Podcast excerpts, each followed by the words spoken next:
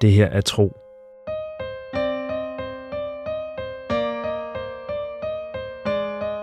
En eventyrlig podcast-fortælling i 55 afsnit.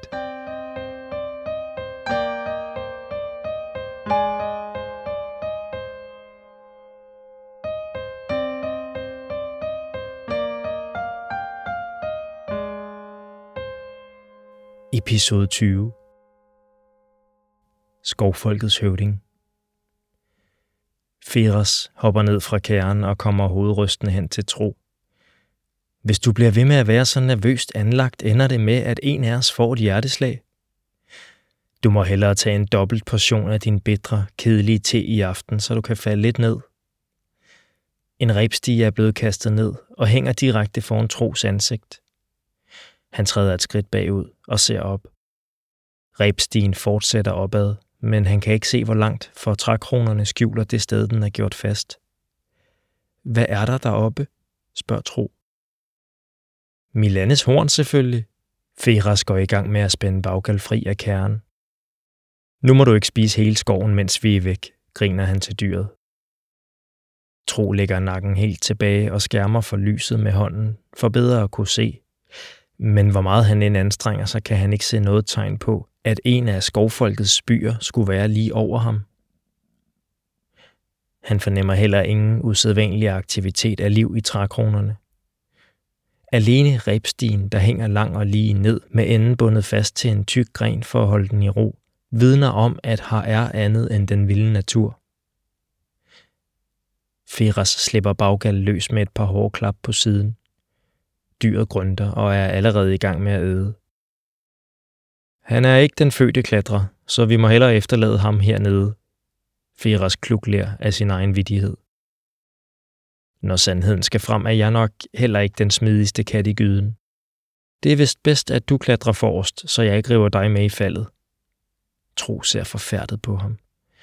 Bare rolig, der sker ikke noget, Feras banker to gange i jorden med staven, inden han binder den fast på ryggen. Men hvis der nu gør, op med dig. Tro synker en gang og tager fat i rebet. Han trækker prøven i det. Det virker stærkt og solidt. Du sætter bare den ene fod foran den anden, og så den anden fod foran den ene, og sådan bliver du ved, til du når toppen, hjælper Feras.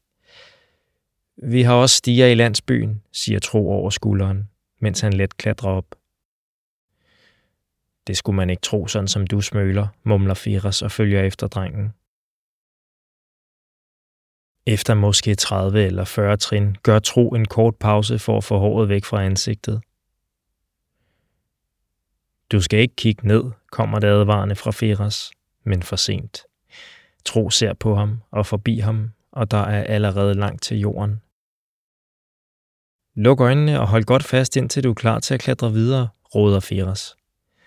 Tro gør, som han siger. Nu hvor han ikke kan se, vågner hans andre sanser, og han fornemmer de tykke stammer hele vejen om sig, og mærker duften fra blade og blomster. En afslappende tryghed skyller ind over ham, og han trækker vejret dybt. Da han åbner øjnene, er han klar til at fortsætte. Efter endnu flere trin kan han se en gren, hvor rebstigen er gjort fast. Fortsat ser han ingen tegn på nogen by eller dens folk, men da han når enden af stigen, bliver en hånd rakt ned mod ham. Han griber den og lader sig hjælpe op på grenen, hvor han kan støtte sig til en tyk træstamme. Og nu ser han den. Milanes horn med dens hængebroer og hytter bygget ind i træernes kroner.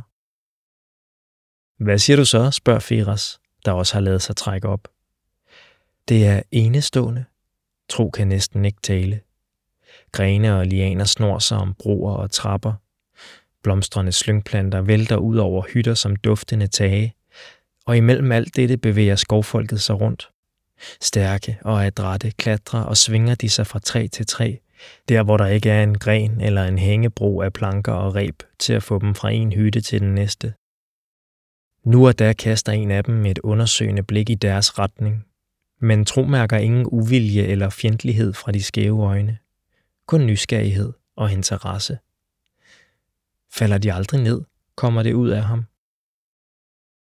Det sker næsten aldrig, lyder den dybe røst fra skovmanden, der har hjulpet ham op. Nok lige så sjældent som en fra slettefolket far vild på de åbne vider og dør af tørst. Han holder sin hånd på brystet i det, som tro forstår må være en hilsen. Han samler selv sine hænder foran sig og bøjer hovedet let. Velkommen til Milanes Horn, tro af slettefolket. Mit navn er Casu Virgio, og jeg skal føre dig til høvdingen. Jeg beklager den barske modtagelse, du fik ved indgangen til vort rige. Men de nuværende omstændigheder har bragt os i et beredskab, som jeg nævnte for dig. Jeg kan desværre ikke uddybe, men jeg er sikker på, at Atix Melanesøn vil fortælle dig nærmere. Vær venlig at komme med denne vej. Skovmanden strækker sin arm frem, og et par af de høje træer bøjer grenene mod ham. Der lyder en knagende og let klagende lyd, men tro fornemmer, at træerne ikke knækker eller vrides på en ødelæggende måde for dem. Det er snarere som om deres form ændrer sig. Som om deres grene hele tiden har vokset i denne retning. Snart har grenene lagt sig som en smal bro, som Casu Virgio går henad. De ender ved to træer, og imellem dem er bygget en hængebro, som fører skovmanden og hans ledsagere ind mellem hytterne. Tro våger et blik nedad, men ser kun grene og blade under sig. Hængebroen må være helt skjult for alle, der går langs stien i skovbunden. Tro kigger på hytterne, han går forbi. Det er ligesom bedstefar har fortalt. Grene snor og vrider sig og bliver til gulve, mure og tage, så folk bor i selve de levende træer. Hvordan de kommer fra den ene hytte til den anden, kan tro ikke umiddelbart regne ud. Jo, når der er bygget en bro imellem dem, eller når træernes grene danner trappetrin og gelænder. Men i de andre tilfælde, når en hytte ligesom svæver frit i en trækrone, uden synlig kontakt til andre konstruktioner, hvordan gør man så, når man skal besøge hinanden? Tro for til dels besvaret sit spørgsmål, da et barn kommer løbende ud af en hytte og råber noget til en lille gruppe voksne, der til synlædende er beskæftiget med at sy tøj. Da barnet springer ud i den tomme luft, rækker Tro instinktivt armen ud, som for at forhindre det. Et øjeblik hænger barnet i ingenting. Så får han eller hun fat i en gren. Tro kan ikke afgøre, om det er en dreng eller en pige. I armgang bevæger barnet sig hen ad grenen og lader sig så dumpe ned på en lavere gren, der har forbindelse til en ny hytte, hvor barnet løber ind. Feras rør ved Tros arm. Du vender dig til det. Tro mig. Jeg lignede også et måbende mulæsel, da jeg så det første gang. Hængebroen, de går på, munder ud i en klynge stammer. Og på en af stammerne fører en række trin dem opad i spiralform. Nogle trin er grene, andre er indhak i træet, som skovfolk må have formet, så der er plads til, at man kan sætte sine fødder. Ligesom da Casu Virgio bøjede grenene for kort tid siden, mærker Tro dog ingen signaler fra træet om, at dets ændrede form er til skade for det. Spiralformen må have ført dem rundt om træet et par gange, da trinene munder ud i en form for afsats, hvorfra en ny hængebro leder dem hen mod en hytte. Den største tro indtil videre har set i Milanes horn. Høvdingens sal, siger Casu Virgio. Men en vis stolthed bemærker Tro. Slettedrengen ser nærmere på konstruktionen. Den er etableret midt i kronen på en enorm kæmpe e, der må være adskillige 100 år gammel. Træets grene går ret ud fra stammen og bøjer sig opad og indad mod stammen igen, så de både danner bund, mure og tag i høvdingens hytte. Længere oppe fortsætter stammen, så Tro kan regne ud, at den må stå midt i hytten som en bred, stærk teltpæl. De går nærmere af hængebroen, og Tro mærker en kvalmende fornemmelse bevæge sig opad fra maven og presse sig på i halsen. Ikke fordi de hænger langt over den faste grund på en gyngende bro, men fordi han nu bemærker, hvad høvdingens sal er prydet med. Ned over murene hænger dyreskin i forskellige former og størrelser. Tro ser huder fra hjortedyr, slanger og bjørne, og også et stort, mørkt skin, han med det samme ved må stamme fra en lærsnude. Indgangen til hytten er pyntet med dyrekranier, og over den hænger et gevir så bredt, som Tros arme er lange fra fingerspids til fingerspids. Tro har hørt om de enorme hjortedyr, som skovfolket kalder for lekusaner, og som trods deres størrelse er svære at jage, fordi de har skarpe sanser og gerne holder sig på lang afstand af folk. Det er utvivlsomt noget af en bedrift at have nedlagt så stort et dyr som det, der har båret geviret, og det må være derfor, at skovfolket har givet trofæet en hædersplads her på dødens hytte, som tro hurtigt døber stedet i sit stille sind. Firas må have bemærket Tros ubehag, for han lægger igen sin hånd på Tros arm og sender ham et blik, som drengen godt ved, hvad betyder. Lad dig ikke mærke med det, og påtal det ikke foran skovfolket. Og det har Tro heller ikke tænkt sig at gøre. Men alligevel er det svært ikke at blive dårlig, da de står lige foran indgangen til hytten, og han kan fornemme de væsner, der engang levede i de tomme huder, men som nu har givet deres liv for, at folket i trækronerne kunne fylde maverne. Træd indenfor, siger Kasu Virgio og går til side, så Feras og Tro kan gå ind i hytten. Tro holder vejret, mens han træder under geviret. Først kan han ingenting se, men så vender øjnene sig til mørket. Faktisk er der slet ikke så mørkt indenfor, lægger Tro mærke til, for stråler af sollys trænger ind fra huller i væggene og hjælper til at lyse det store rum op i et blegt skær. Dødens hytte minder ganske rigtigt om et telt indenfra, med den brede træstamme i midten og grenene, der buer sig opad og former en kuppel over deres hoveder.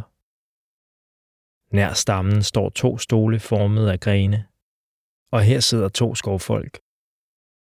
Ved første øjekast kan Tro ikke afgøre, om der skulle være noget særligt ved disse to folk. Umiddelbart ligner de i hvert fald dem, han har set uden for dødens hytte. Håret er langt og gråligt, og flettet med perler, fjer og farvede bånd. De har begge tunika og bukser på, i læder formet i samme lyseblå nuance. Det må være en mand og en kvinde, for den ene har tydelige former, bryster og hofte under det stramme læder. Det, der gør dem forskellige fra andre skovfolk tro har set, er, at disse to bærer smykker, halskæder og armbånd, der ser ud til at være sat sammen af tænder og knogler fra dyr.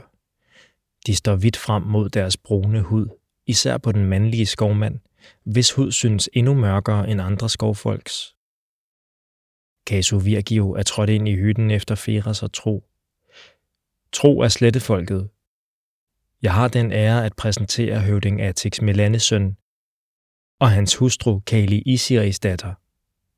Tro samler hænderne foran sig i hilsen, og de to skovfolk holder hånden på brystet og nikker til ham. Velkommen, Tro, siger høvdingen. Feras træder frem. Vi er glade for, at I vil tage imod os begge i en tid, vi kan forstå er svær for jeres folk, siger den omrejsende. Tro forstår ingenting, men det håber han, at han vil komme til om et øjeblik. Han beslutter sig for at lade Feras føre ordet, hvilket han vist under alle omstændigheder har tænkt sig at gøre. Den lille mand tager noget op fra sin sæk. For at vise vores taknemmelighed vil vi give jer denne gave. Det er et tæppe til at svøbe nyfødte i, siger Firas, og lægger det sammenrullede klæde for fødderne af Kali Isias datter med et dybt buk. Så har Feras altså besluttet sig for at forære skovfolket det tæppe, han ellers havde håbet på at sælge for en god pris. Tro ser på Feras med nye øjne, mens han stiller sig tilbage ved hans side. At den omrejsende på denne måde offrer sig for deres fælles bedste, får Tro til at mærke en ømhed for den lille mand, som han ikke har bemærket før. Er de ved at blive venner, de to? Har de mange dage, de har tilbragt sammen, givet ham varme følelser for den runde, farverige mand? Tager liv og vej fejl, når de advarer mod at stole på ham? Hvis der er en varm følelse i tro, bliver den dog noget køligere, da høvdingens hustru samler tæppet op og ruller det ud i sit skød. Det er meget smukt, siger hun. Tak, siger Feras forlejent. Og ikke nok med, at det er kønt at skue. Fortryllelserne indsunget i stoffet vil holde et barn varmt og trygt gennem vinteren. Tro måber. I sine hænder holder Kali Isias datter hans tæppe, det tæppe, han har arbejdet på i mange dage. Det første stykke arbejde, han har udført med sin nye evne. Det er en vidunderlig gave. Vi takker dig mange gange, Feras. Jeg ved, at dette tæppe vil gøre stor lykke blandt vores folk, når træerne taber bladene, og rimfrosten begynder at pryde de nøgne grene, siger høvdingens hustru.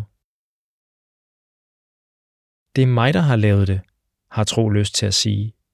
Det føles så forkert, at Feras tager æren for hans arbejde. Samtidig kan han mærke en vis stolthed over, at Kali Isias datter roser hans tæppe. Måske er det ligegyldigt, om de ved, hvem der har frembragt det. Måske er det vigtigste, at de er glade for det, og at de vil få gavn af det til vinter. I er velkomne som gæster i vores by, siger Atix Melanes søn. I aften vil vi spise sammen, og I vil opleve den gæstfrihed, vi normalt udviser over for besøgende. Du, tro, vil nok gerne vide, hvorfor vi ikke med det samme byder dig velkommen blandt os. Og det skal jeg fortælle dig om lidt. Du vil få alle dine spørgsmål besvaret. Dem jeg kan besvare, altså. Og du vil også hjælpe mig med at finde svar på mine spørgsmål. Jeg kender nemlig til dine særlige evner, og dem har jeg brug for her og nu, siger høvdingen. Igen mærker Tro uroen i kroppen. Hvad har Feras egentlig fortalt høvdingen? Men først fortsætter Atix Melanes søn og træder ned fra sin stol. Han går hen til Tro og stiller sig lige foran ham. Først vil jeg have det, der tilhører mig. Han rækker hånden frem. Giv mig skovhjertet. Sådan slutter denne episode af Tro Se et kort over alle byerne i fortællingen på tropodcast.dk. Her kan du også se Christian Funders flotte illustrationer. Tro er skrevet, indtalt og produceret af mig. Jeg hedder Mikkel Prytz, og jeg håber, du vil lytte med næste gang.